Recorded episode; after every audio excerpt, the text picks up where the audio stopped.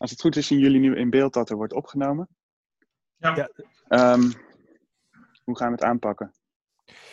ik zat te denken. Het makkelijkste is gewoon als we gewoon een gesprek hebben en jij me gewoon dingen vraagt. We hebben in ieder geval als hoofdvraag om te weten waarom deze voornaam gecombineerd wordt met deze achternaam. Kortom, waar kom jij vandaan? En mijn ouders vonden Mario een mooie naam. Ik hou wel heel erg van pizza, maar ik heb geen Italiaanse achtergrond. Dit is de Medisch Onderwijs Podcast.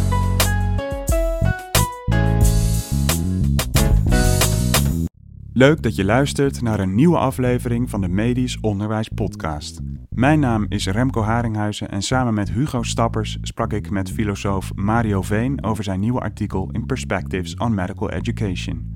Dit interview werd opgenomen in april 2020 en de intelligente lockdown vanwege de coronacrisis duurt inmiddels al ruim vier weken. Filosoof Mario was thuis in Den Haag, ikzelf was thuis in Nijmegen en Hugo bevond zich ergens in de verder uitgestorven onderwijsgebouwen van het Radboud UMC. Over kevers gaat het interview, Beatles. Dit klinkt nog niet heel erg filosofisch, maar blijf luisteren en alles wordt duidelijk. En zit je na het beluisteren van dit interview toch nog met vragen? Stuur dan je vraag naar vraagaanmario.medischonderwijspodcast.nl en we leggen jouw vraag aan Mario voor in een volgende aflevering. Veel plezier met luisteren. Welkom in de podcast. Mario Veen, zou je jezelf kunnen voorstellen? Ja, ik werk bij de huisartsopleiding van het Erasmus Medisch Centrum. Uh, ik ben daar uh, projectleider van onderzoek naar onderwijs. En we doen vooral onderzoek daar naar reflectie in medisch onderwijs. En daarnaast heb ik een filosofische achtergrond. Ik ben onder andere editor van een serie over medisch onderwijs en filosofie bij uh, Teaching and Learning in Medical Education. Ben je ook bezig met onderzoek naar de inbrengronde? Ja, wij doen onderzoek naar uh, de inbrengronde, naar het leren van ervaringen van huisartsen. Wat is dat, die inbrengronde? Uh, de inbrengronde, dat wordt ook wel uitwisselen van ervaringen of leren van ervaringen uh, genoemd.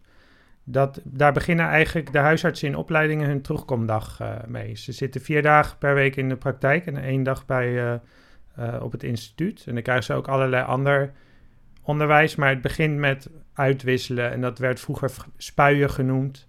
En dat was eigenlijk het idee dat je reflecteert op de ervaringen van je opleiding.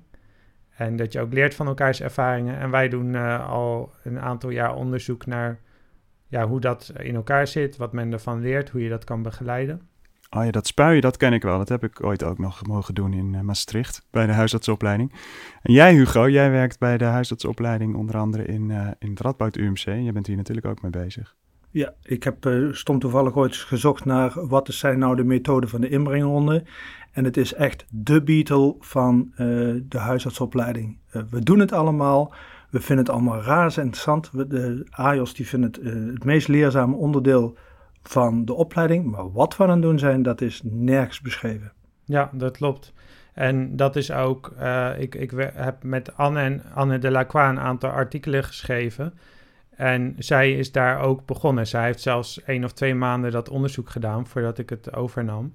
En eigenlijk uh, de soort conceptuele dingen die we in onze artikelen doen, die komen ook voor een groot deel voort uit onze ervaring met de huisartsopleiding omdat dat, die inbrengronde is eigenlijk, het is gewoon een groepsgesprek eigenlijk. En er gebeuren heel veel interessante dingen.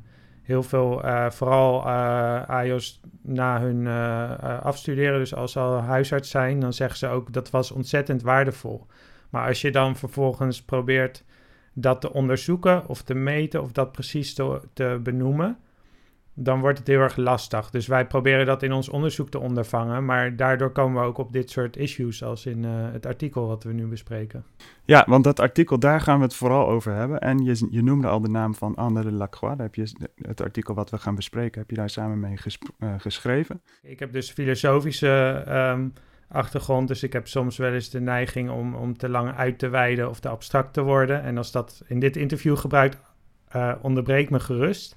Maar Anne is dus heel goed om, uh, zij heeft echt een onderwijsvisie en heel erg uh, passie voor onderwijs. Maar niet alleen maar onderwijs volgens de regels, maar echt zinvol onderwijs. Wat echt ja, medische studenten, waardoor ze ook echt betere dokters worden.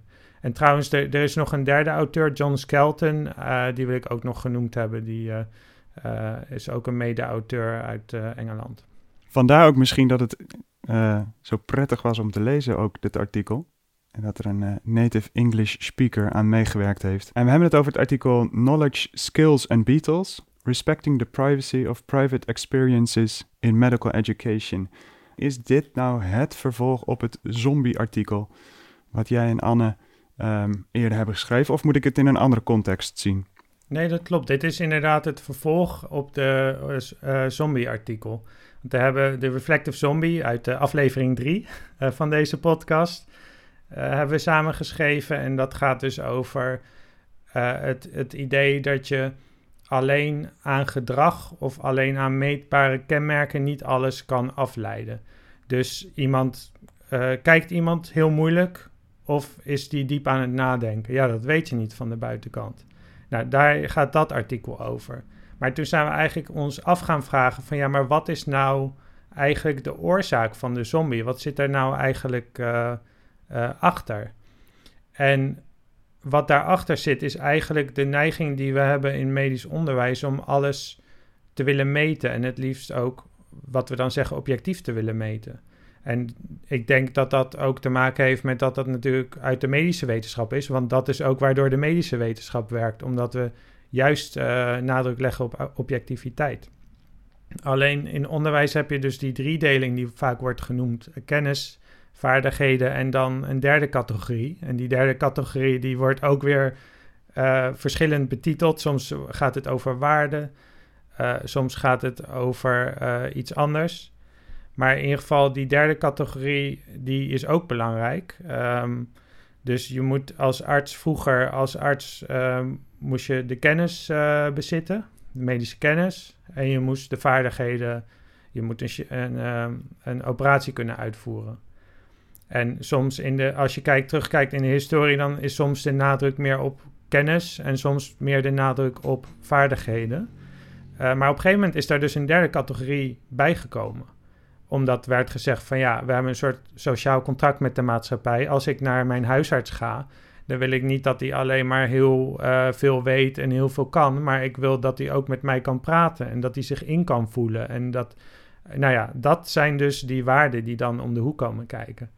Maar wat dus het interessante is, want wij vinden dat, uh, laat ik dat vooropstellen, super belangrijk dat dat deel is van de opleiding. En dat vinden we ook een hele goede ontwikkeling. Alleen wat wij merkten is dat op het, er wordt altijd in artikelen die erover uh, gaan, wordt gezegd: oké, dus waarden zijn ook heel erg belangrijk.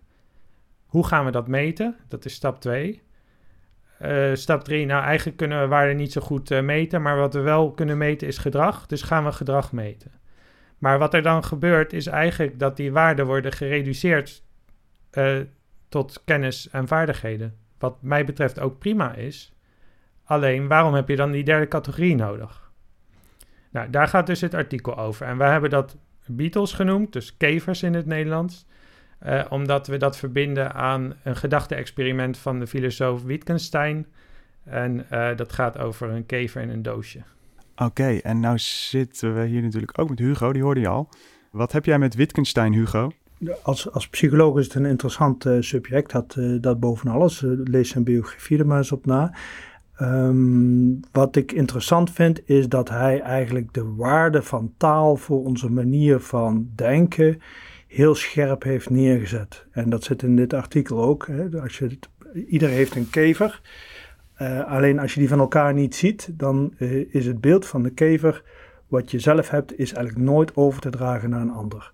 En het mooie is dat jullie dit ook gekoppeld hebben aan een begrip bijvoorbeeld empathie, um, wat een heel lastig begrip is. Uh, en waarin iedereen een eigen beeld heeft over wat dat is en wat je zegt. Hè. uiteindelijk hebben we nu een manier om dat te meten via bijvoorbeeld de Maas Globaal iemand, een dokter humt of zegt ja, dat kan ik me voorstellen. En dan is die empathisch.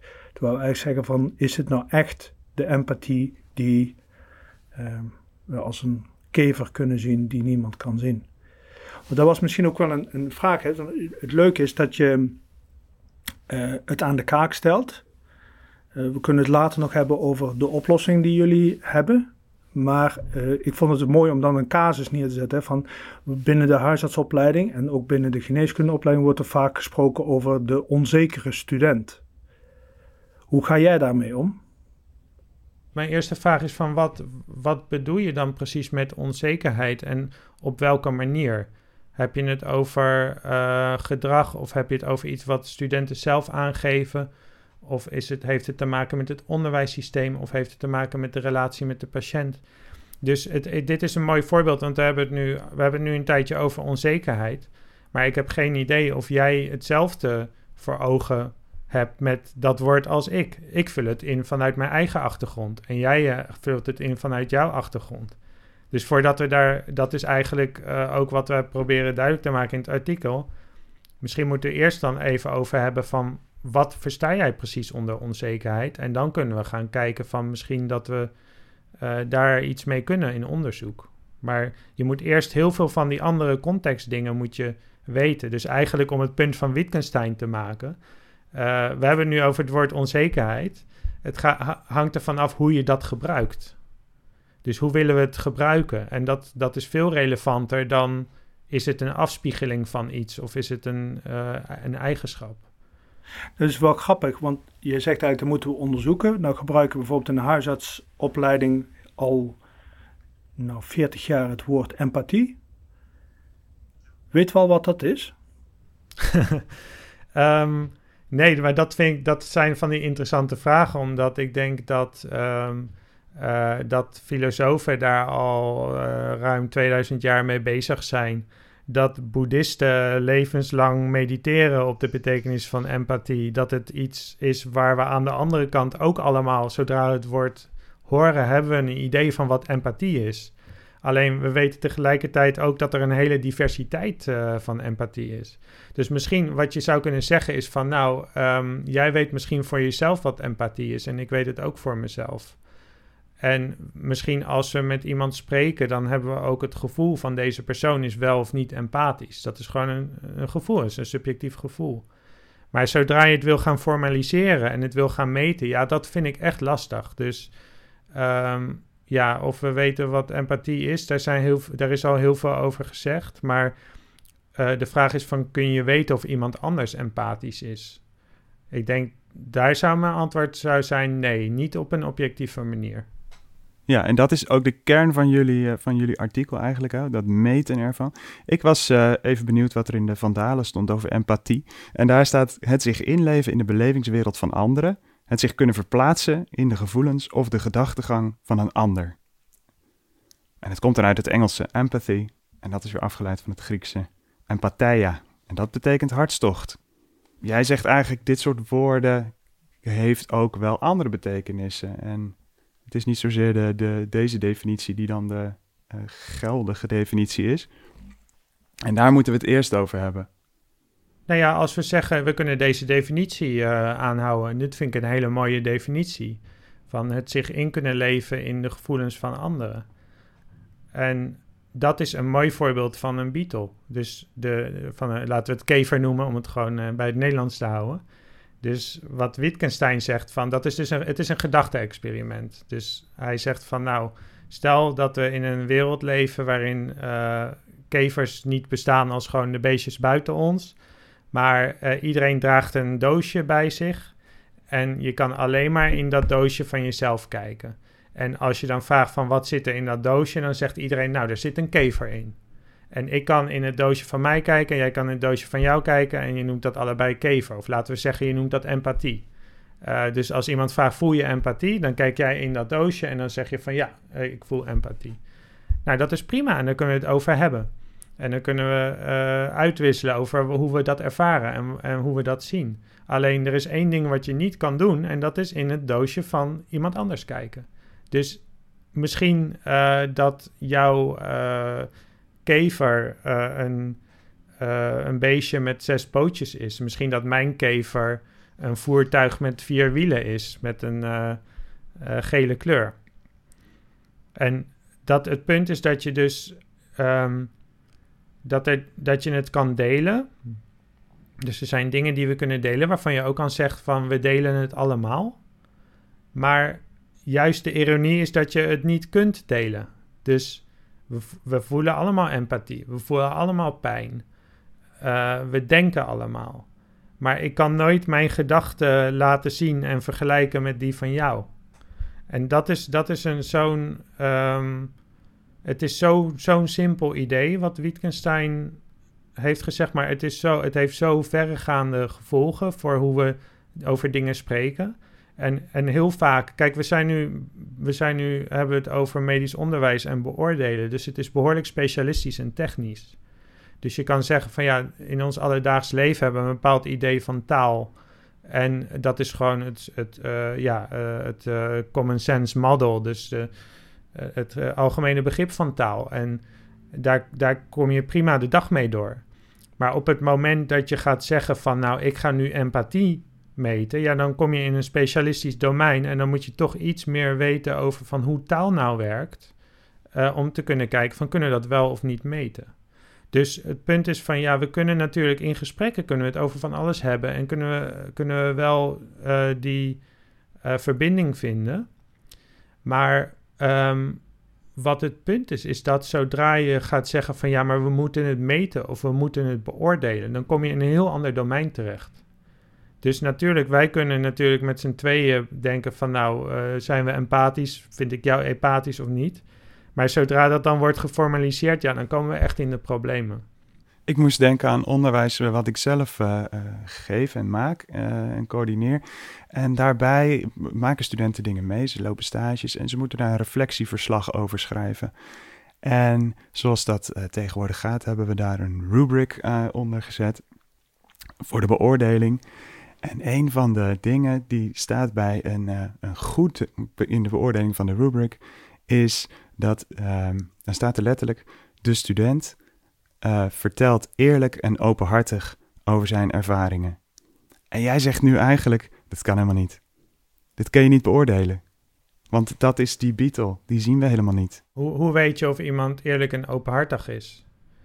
En um, dat, is, dat is de vraag één. Nou, dan kan je denken van, nou, dan kan je zeggen van, nou, ik ben een docent, ik heb ruime ervaring, ik, ik heb die, die indruk heb ik wel. Maar dan ben je dus al, dan ben je niet objectief bezig. Dan ben je subjectief bezig. Um, en dan, want het punt is namelijk, je kan het niet checken. Dat is, het, dat is de kern van de Beatle. Dus hetzelfde probleem als we zeggen van, um, nou, uh, de, de student die, uh, die, die laat stiltes vallen of zo. Uh, ik noem maar even een voorbeeld. Nou, dat is iets waar, wat je kan checken. Je kan zelfs dat gesprek opnemen en je kan dan meten waar de stiltes zijn.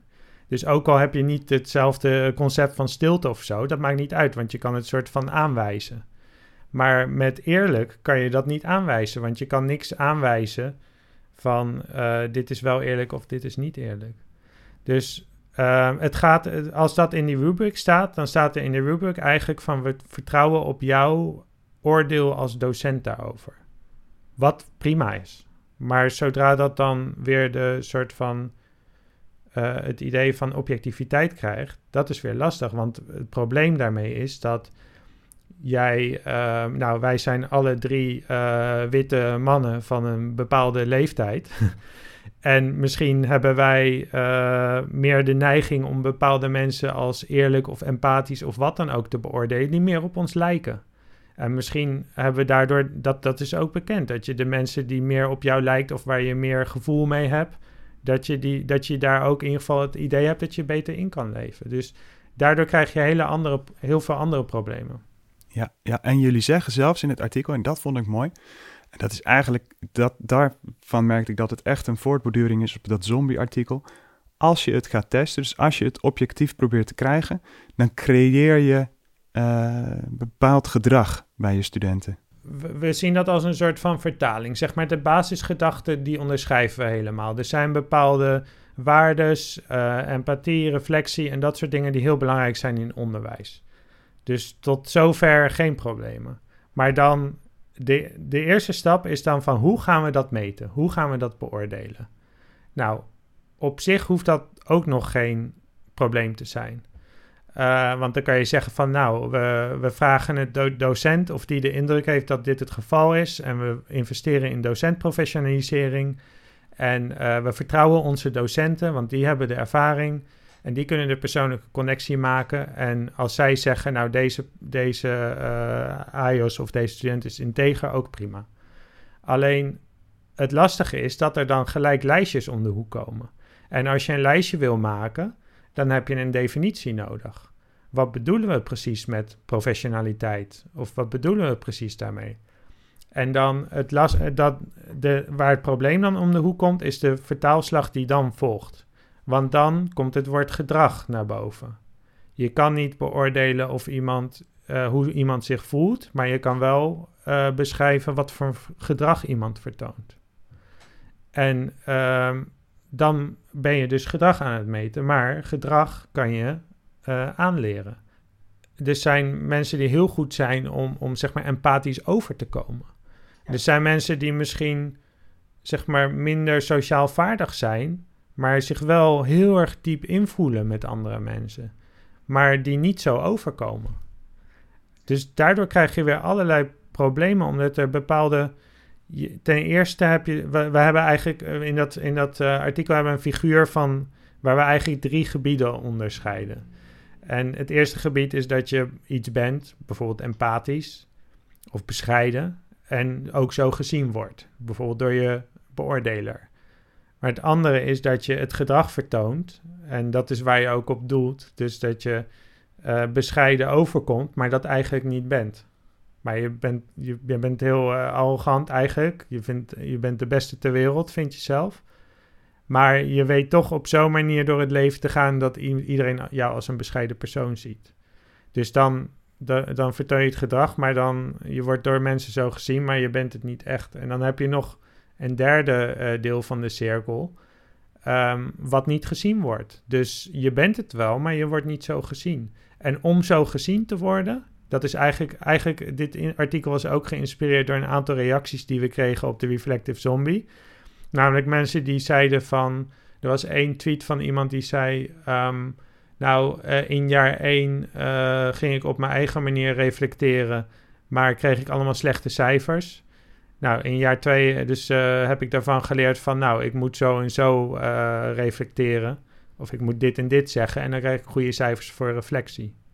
Dus die gaat dan zich richten op gezien worden als puntje, puntje. En dat is het probleem. Nou is het, nou is het mooie, jullie, als je kijkt naar de, naar de oplossing, is dat jullie zeggen van um, je moet vertrouwen hebben in degene die educator is of assessor is. Die moet een ervaring hebben waarmee die eigenlijk de student bevraagt op die eigenschappen. En daarmee een prikkel geeft om die te ontwikkelen. Ja, dat, nou, dat is één manier om dat te doen. Ik, de nadruk ligt dat je moet vertrouwen op de ervaren docent uh, die een connectie weet te maken met, uh, met de student. En dat hoeft niet. dat, kijk, docenten die, die hebben een sterk ontwikkelde intuïtie. Dat is één. En het tweede is dat als een docent weet van mijn oordeel is subjectief, dan moet je eigenlijk ook bewust zijn van uh, niet, de vraag is niet van of jij gebiased bent, maar je gaat er al vanuit dat jij gebiased bent, omdat jij een bepaalde ervaring en achtergrond hebt. Dus je moet jezelf als docent moet je jezelf goed leren kennen. En je moet goed je valkuilen leren kennen. En dan kan je ook die connectie maken. Dus ook als, als je met een student hebt met wie je misschien uh, ja, persoonlijk minder hebt, dat je toch een connectie weet te maken. Maar moeten alle docenten dan ook in therapie om die zelfkennis te ontwikkelen? Ik weet niet of therapie uh, de enige manier is om zelfkennis uh, te hebben. Ik denk dat je, ik denk, ja, ken jezelf. Dat is toch het adagium ook van, ook van de filosofie. Ja, het, het, het, lastige is namelijk dat de, de, de, de, er zit steeds een dreiging in. Hè? Je hebt dus, uh, het in the eye of the beholder. Dus je hebt um, onderwijskundigen die willen iets meten.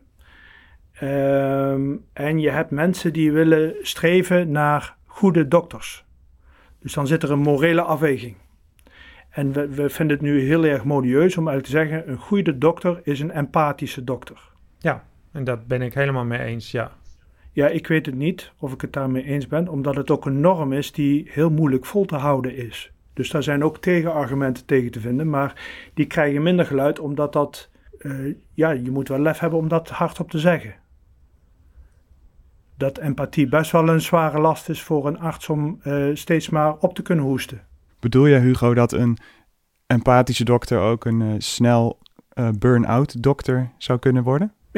Dat is uh, heel vermoeiend en dat kun je niet altijd opbrengen. Dus net zoals die chirurg, die dus ook niet altijd die focus kan hebben op, op, op bepaalde beatles, terwijl hij in het opereren is, is het ook niet altijd makkelijk om energie te hebben voor je empathie. Maar volgens mij, als je zegt een goede dokter is een empathisch dokter, dan bedoel je niet te zeggen uh, een dokter die de hele tijd alleen maar van oh wat erg voor u zegt, maar dat het een dokter is die de competentie heeft van empathie. Dus die op het juiste moment empathisch uh, kan zijn. En uh, misschien dat, uh, nou ja, als je kinderen hebt, dan weet je dat ook wel. Dat empathie is niet altijd alleen maar heel zacht van wishy-washy. Dat is, dat is juist het gedrag dat we associëren met empathie.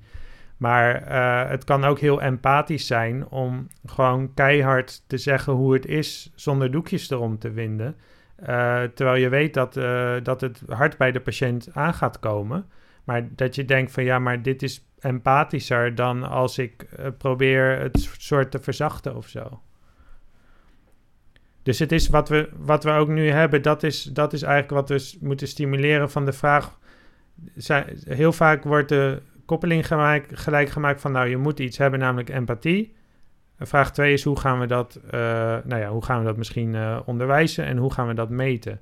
Maar ik denk dat er andere vragen zijn die daarvoor kunnen komen. En een van de vragen is van, wat bedoel je eigenlijk met empathie? En dan niet met als doel dat we allemaal hetzelfde beeld moeten hebben, maar juist om het te verruimen en juist omdat je moet weten van, oké, dus dit is, uh, dit is hoe ik, wat ik er zelf onder versta. En dan geef je ook mensen de gelegenheid om dat zelf te verkennen wat dat is. Ja, want dat is, dat is wel een mooie, want dat, is een filosoof bij ons op de afdeling ook mee bezig. Dan doe je een soort deugdonderzoek.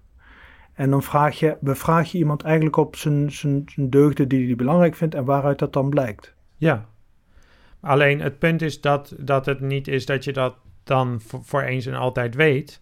Maar uh, bijvoorbeeld de, de, de filosoof Deleuze die zegt dat concepten, die, dat zijn geen dingen die je in de natuur vindt. Dat zijn dingen die je creëert, die je fabriceert. Maar als ik, uh, dus eigenlijk uh, als je uh, een woord gaat introduceren op de opleiding, namelijk empathie, waar misschien, weet ik niet, misschien studenten dat nog niet zo expliciet hebben benaderd, dan geef je ze eigenlijk alleen maar een woord. Maar vervolgens is dat niet genoeg. Dan moet, kan je niet vervolgens zeggen van nou, dit is empathie, dit is de definitie en dit is de gedachte dat erbij hoort. Het is juist, um, het is een aanknopingspunt. Dus vervolgens zou je dan moeten hebben over van ja, maar wat is, hoe ziet empathie eruit en zo. En het, wat, we, wat we bij het Erasmus doen, maar ook bij alle andere huisartsopleidingen, is um, bij het leren van ervaringen, is dat uh, een ervaring vertellen wat ze hebben gehad en dat je daar juist dat soort verkenningen kan doen. Dus hoe kan ik nou empathisch omgaan met een laten we zeggen, uh, je, komt, uh, je hebt een patiënt en je komt erachter dat het een pleger is van huiselijk geweld. Hoe, heeft empathie daar een plaats? Hoe kan je daar empathisch mee omgaan? dus dan kom je juist, dan is niet het idee om een soort van een strakke definitie te vinden van wat empathie is, om dat dan vervolgens te checken. Maar het is juist, concepten zijn juist een soort van aanknopingspunt en een beginpunt en geen eindpunt. En dan kan je kijken van ja, wat is nou empathie in deze situatie?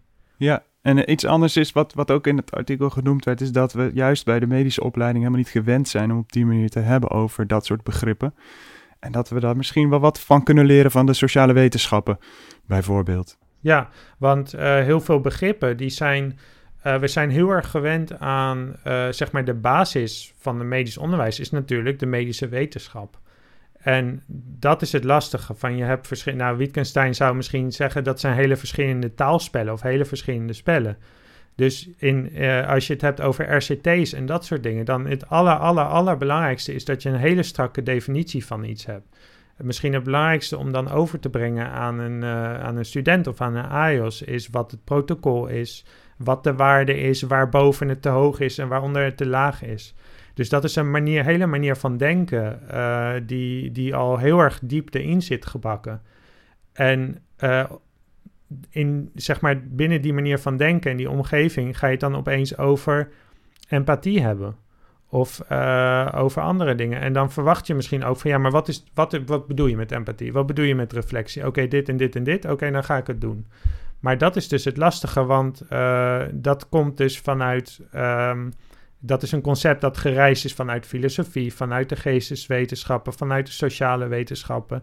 En daar denken we dat er ook sociale wetenschappen, maar ook vooral de geesteswetenschappen, wil ik benadrukken, echt een, rol uh, kunnen hebben. Die, die geesteswetenschappen wilde je niet laten liggen. En ik moet je ook eerlijk zeggen, toen je het had over de sociale wetenschappen, ik krijg daar een beetje pijn van in mijn buik omdat eigenlijk daar waar de fenomenologie een beetje toegelaten wordt tot de geneeskunde en de humanity steeds meer een plaats krijgen daarin, is het bij de sociale wetenschappen randomized clinical trials up en down. En het gaat alleen nog maar over statistiek en wat we in gedrag waar kunnen nemen. Dus die mensen zijn niet meer zo betrouwbaar om dit te doen. Dus we moeten juist bij de geesteswetenschappen zijn. Ik denk dat we het allemaal nodig hebben. Uh, mijn, mijn specialisatie is ook interdisciplinair onderzoek. En ik denk, uh, nou, medisch onderwijs is al een interdisciplinaire wetenschap, want je hebt al invloeden vanuit natuurwetenschappen, sociale wetenschappen, maar ook uh, geesteswetenschappen. Ik bedoel, de medische wetenschappen, zeg maar, de basis is misschien de, de van Hippocrates. En dat is een eet en dat is iets wat je aflegt en wat op, om waarde draait en zo. Um, waarom denk in dit specifiek geval, zeg maar ook uh, de, de uitgangspunt van dit artikel is, zou ik eigenlijk willen zeggen, dit is uh, wetenschapsfilosofie. Want een van de eerste dingen die je af moet vragen bijvoorbeeld, laten we een voorbeeld nemen van natuurkundigen. Natuurkundigen zouden heel veel dingen heel graag willen meten. Uh, ze zouden heel graag zwarte materie willen meten. Maar zwarte materie is niet meetbaar, voor zover wij weten. Dus op dat moment zeg je van, oké, dan kunnen we daar allerlei theorieën en verhalen en dat soort dingen over hebben, maar we kunnen het niet objectief weten, meten. En um, uh, dat is dat is een discussie die ik vaak uh, mis in medisch uh, onderwijs. Onderzoek naar medisch onderwijs. Zelfs misschien ook in medisch onderzoek, als het bijvoorbeeld gaat, over onderzoek naar pijn. Um, voordat je, je moet soms heel erg basis beginnen voor als je iets wil onderzoeken. Nou, iets onderzoeken kan altijd. Maar dan wil je misschien het, het kunnen meten. Maar dan moet je je afstellen, afvragen van ten eerste waarom wil ik het meten? En is het überhaupt wel meetbaar? En dat is een discussie die ik soms mis. Want en bijvoorbeeld, uh, nou dat is meer uit het vorige artikel, de Reflective Zombie, hebben we het over de wet van de hamer. Uh, als je een hamer hebt, is alles een spijker. Dus dan, dan hebben mensen het model voor zich van een driehoek en dan het hoogste is een RCT. Dus dat betekent dat alles uh, wat met een, zeg maar, wat niet met een RCT onderzocht is, dat zou eigenlijk daarmee onderzocht moeten worden. Terwijl als je een simpel voorbeeld noemt, um, als, je meer, als je inzicht wil hebben in grammatica, dan is een RCT is niet uh, het meest logische uh, instrument. Dan, dan zijn ook concepten zoals generaliseerbaarheid, meetbaarheid en zo. Ja, als iemand een taal spreekt en de grammatica verkeerd gebruikt, ja, dan krijg je heel veel in je sample. Dat betekent niet dat dat beter is. En zo zijn er heel veel andere voorbeelden. Dus het belangrijkste is de, in de wetenschap is dat hetgene wat je wil onderzoeken, uh, dat je methodologie en je methode daarbij aansluiten. En daarbij, we zeggen niet van, nou, alles moet nu via sociale wetenschappen of geesteswetenschappen onderzocht worden. Maar je moet eigenlijk uitgaan vanuit um, je onderzoeksobject. Mika Bal, bij wie ik mijn masteropleiding uh, heb gedaan. Uh, ik gebruik haar boek heel, uh, heel, vaak, dat heet Traveling Concepts. Dat is echt iets wat, wat ik heel belangrijk vind voor medisch onderwijsonderzoek, omdat haar motto was van laat het object spreken. En wij zeggen in de medische wetenschap en medisch onderwijswetenschap ook, de patiënt moet centraal staan. Nou, in dit geval moet de student centraal staan. Dat hoor je ook de hele tijd. Alleen laat de student dan spreken en kijk dan ook, zeg maar, het aspect wat je wil onderzoeken. Kijk dan wat daar dan het best bij uh, past. En soms is dat een RCT, soms is het een literatuuronderzoek, soms is het een interview. Uh, en soms moet je echt de filosofie induiken. Dus ik zou eigenlijk, mijn, mijn pleidooi is om niet te zeggen van we moeten alles zo of zo doen, maar gooi het zoveel mogelijk open en ga ook echt kijken naar hoe die verschillende uh, onderzoeksgebieden samen kunnen werken. Want als je het heel concreet maakt en je bevraagt bijvoorbeeld een groep AIOS op hun ervaringen in de praktijk, dan is het eigenlijk zonde om dat alleen met een dokter te doen, of zonde om dat alleen met een filosoof te doen, maar dan moet je de dokter en de filosoof naast elkaar hebben zitten. Nou, het hangt dus helemaal af van wat het doel is van jouw onderzoek. Ja, als het gaat over de particuliere ontwikkeling, de, de eigen ontwikkeling van deze persoon tot huisarts bijvoorbeeld.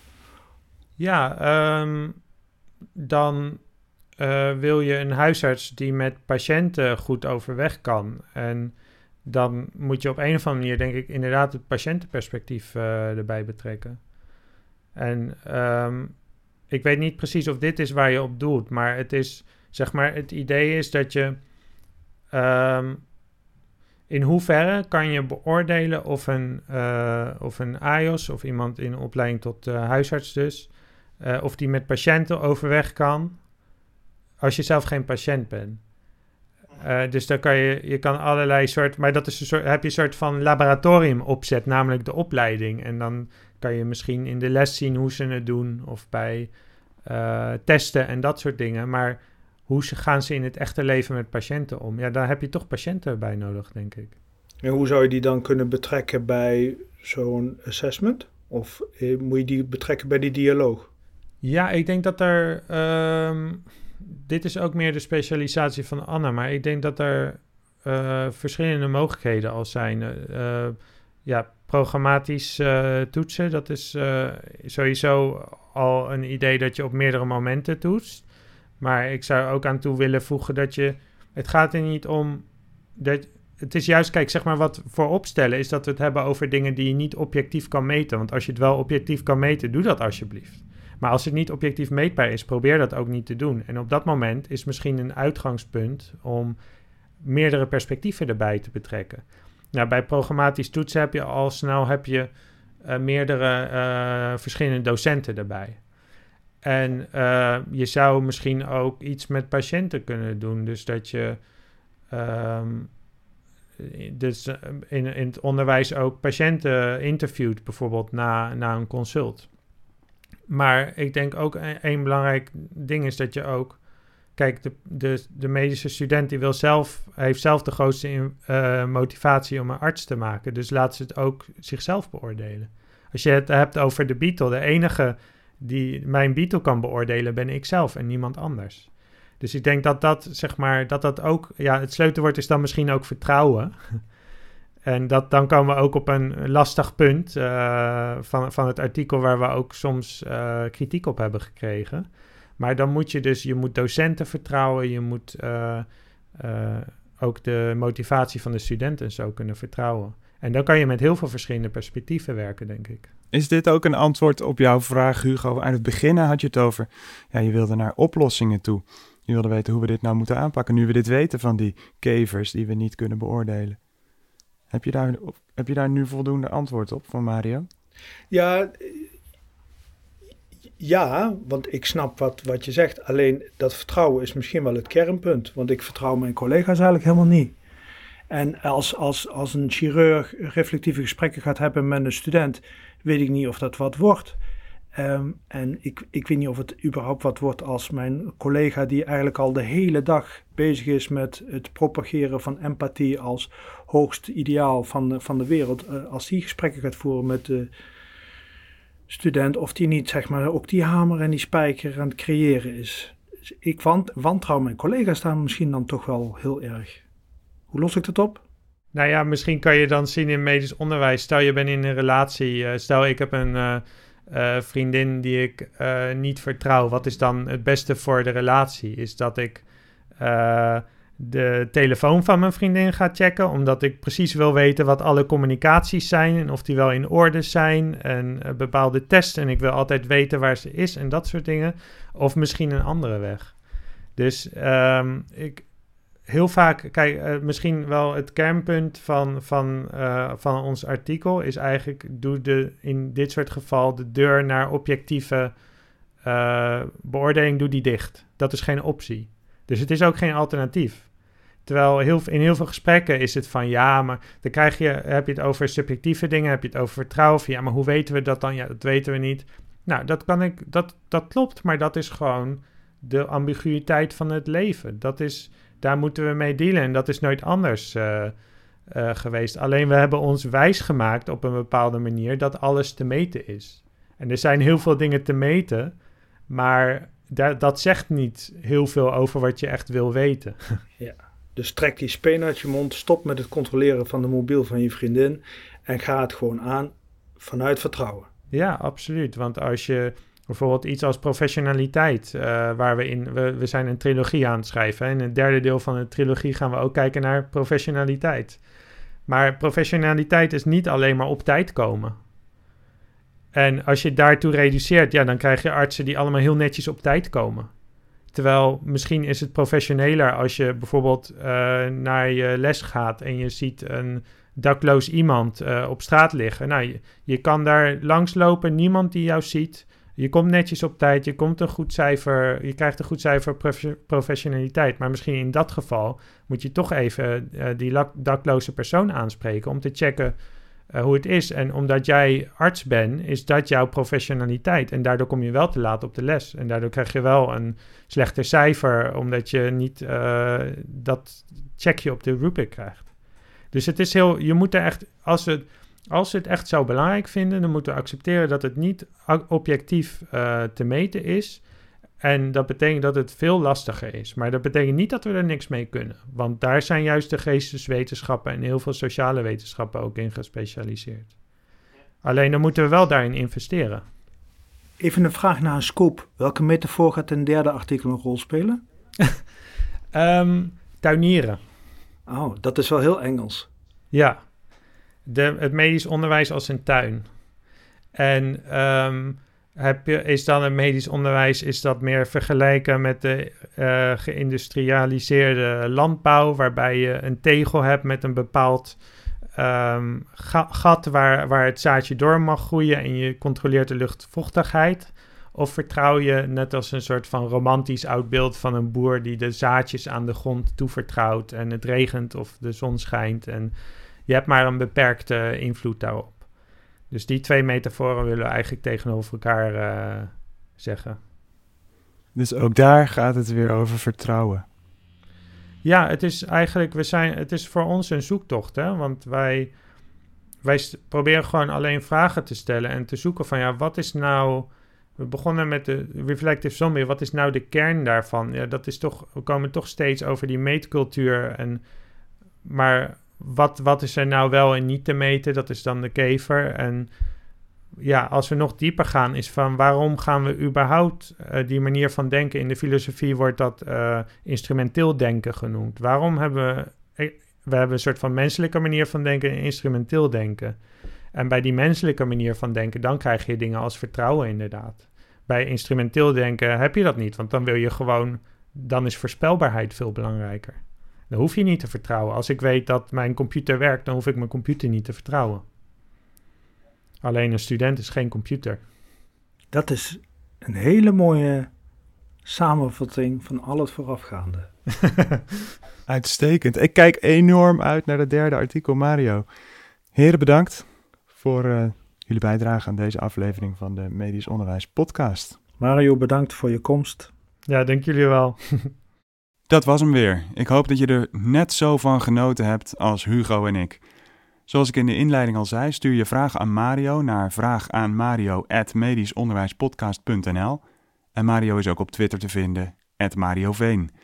Feedback op deze podcast is natuurlijk ook welkom. Stuur die dan naar feedback@medischonderwijspodcast.nl. Heb je zin om meer te luisteren over medisch onderwijs? Kijk dan op medischonderwijspodcast.nl of zoek in je favoriete podcast-app naar meer afleveringen van deze podcast. De volgende aflevering, aflevering 15, gaat over ouderengeneeskunde. Bedankt voor het luisteren naar de Medisch Onderwijs Podcast.